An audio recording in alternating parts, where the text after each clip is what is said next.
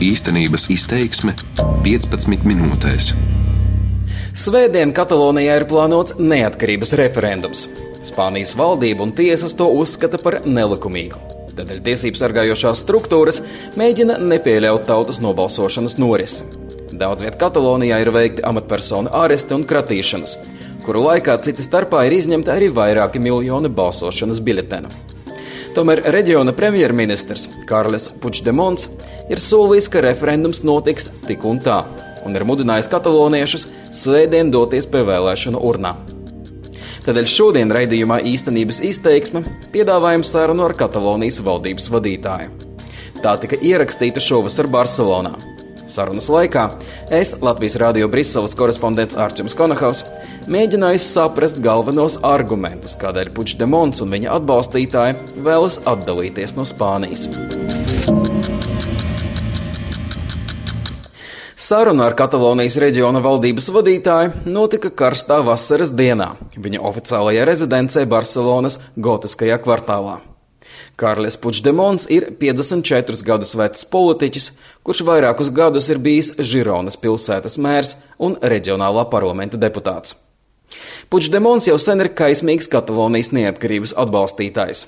Tādēļ sarunu sāku ar jautājumu, kas uzlabosies kataloniešu dzīvē, ja šis reģions atdalīsies no Spānijas un kļūs par neatkarīgu valsti. We want to, to live in a, a very, a, a completely Uh, Mēs gribam dzīvot pilnīgi demokrātiskā valstī un sabiedrībā, bet tas, ko šobrīd dara Spānijas valdība, nevienmēr atbilst demokrātiskas valsts principiem. Mēs gribam dzīvot brīvā sabiedrībā bez netīrām spēlēm, valstī ar pilnīgi neatkarīgu tiesu sistēmu un absolūtu vārda brīvību. Tas ir demokrātijas jautājums. Un otrkārt, bez valstī raksturīgiem rīkiem mums, kā nācijai, kā sabiedrībai un kā ekonomikai, nav iespējas izdzīvot Spānijas sastāvā. Mēs nevaram pilnvērtīgi pārvaldīt mūsu izglītības sistēmu, mūsu infrastruktūru, mūsu veselības aprūpes sistēmu, kā arī saglabāt valodu un kultūru un veidot attiecības ar citiem Eiropas un pasaules reģioniem. Mums nav iespējas izdzīvot. Mēs gribam, lai mūsu bērniem būtu nākotne, bet to nevar nodrošināt tādā Spānijā, kāda tā ir pašreiz. Pēdējo 40 gadu laikā mēs esam mēģinājuši to reformēt.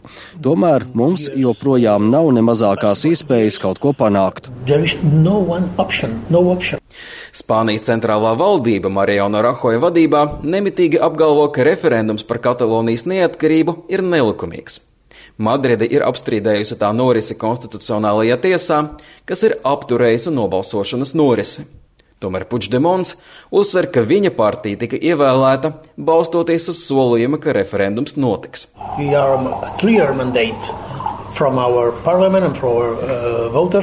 Mums ir skaidrs vēlētāju un parlamenta mandāts. Turklāt pārliecinošs Katalonijas iedzīvotāju vairākums atbalsta nepieciešamību atrisināt šo jautājumu ar tautas nobalsošanu. Puigdemons atgādina, ka jau vairākus gadus 11. septembrī, kas Katalonijā tiek atzīmēta kā Nacionālā diena, Lielas cilvēku masas pulcējas Barcelonas centrā, lai atbalstītu neatkarīgas valsts ideju. Uh, Neaizmirstiet, ka šī kustība nenāk no politiskām partijām, kādas konkrētas ideoloģijas vai iestādēm.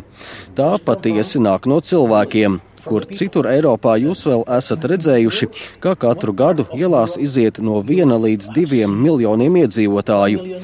Viņi piedalās miermīlīgās demonstrācijās. Tas ir kaut kas ļoti īpašs. Tā ir realitāte, nevis fantāzija vai kādas halucinācijas. Bet Spānija vienmēr ir teikusi, ka mēs esam muļķi, ka mēs esam traki, ka mēs esam noziedznieki, kuri mēģina veikt valsts apvērsumu.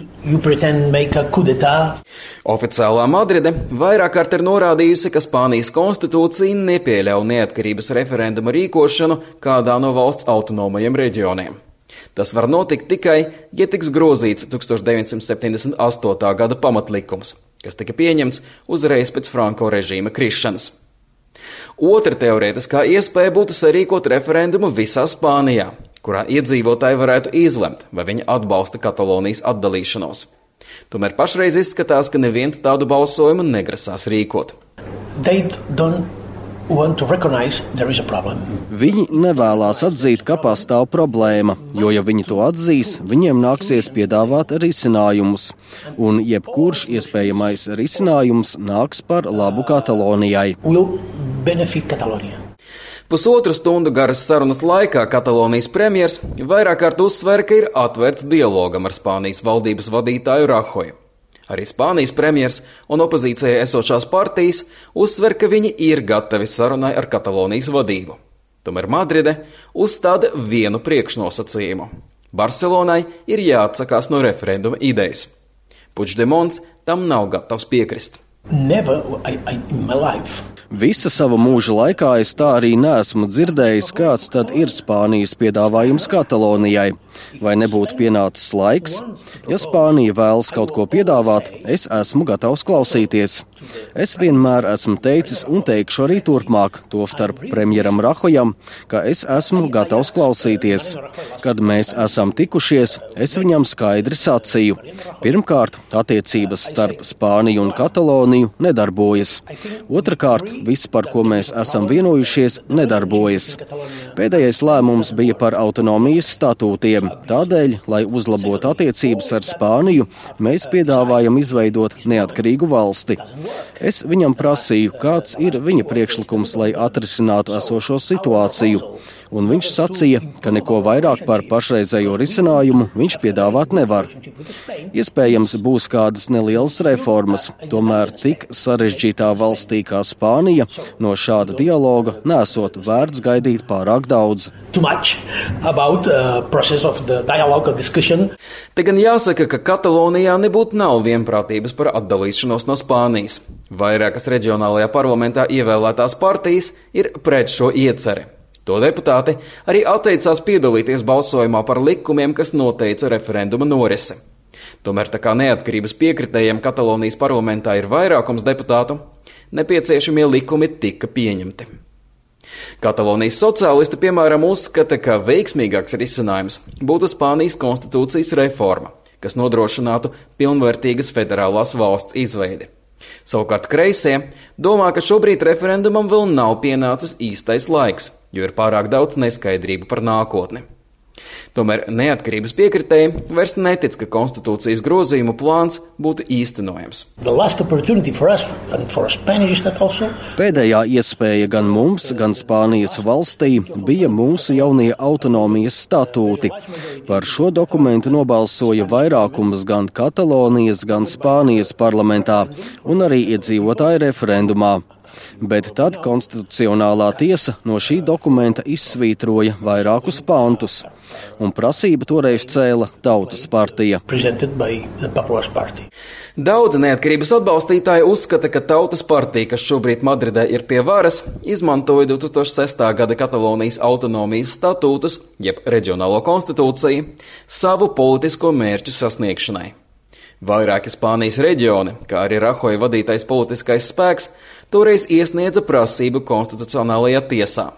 Un 2010. gadā tiesneši pārrakstīja 14 dokumenta pantus un noteica, kā būtu jāsaprot vēl 27 pantus. Tostarp no autonomijas statūtiem tika svītrota arī atziņa, ka katalonieši ir nācija. Toreiz Barcelonā tas izsauca plašus iedzīvotāju protestus. Puigdemons uzskata, ka šīs strīds daudziem bija pēdējais piliens.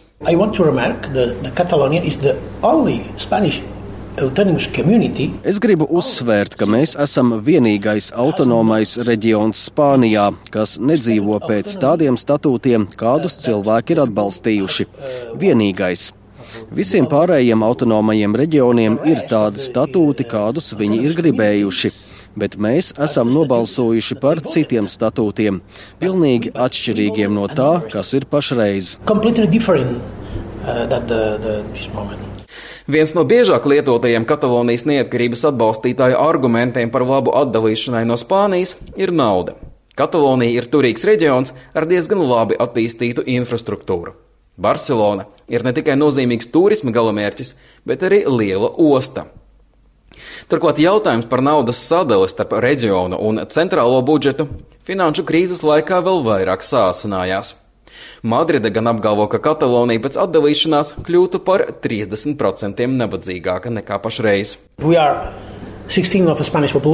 Mēs veidojam 16% no Spānijas iedzīvotāju skaita. Mūsu ekonomika veido vairāk nekā 19% no Spānijas iekšzemes koprodukta.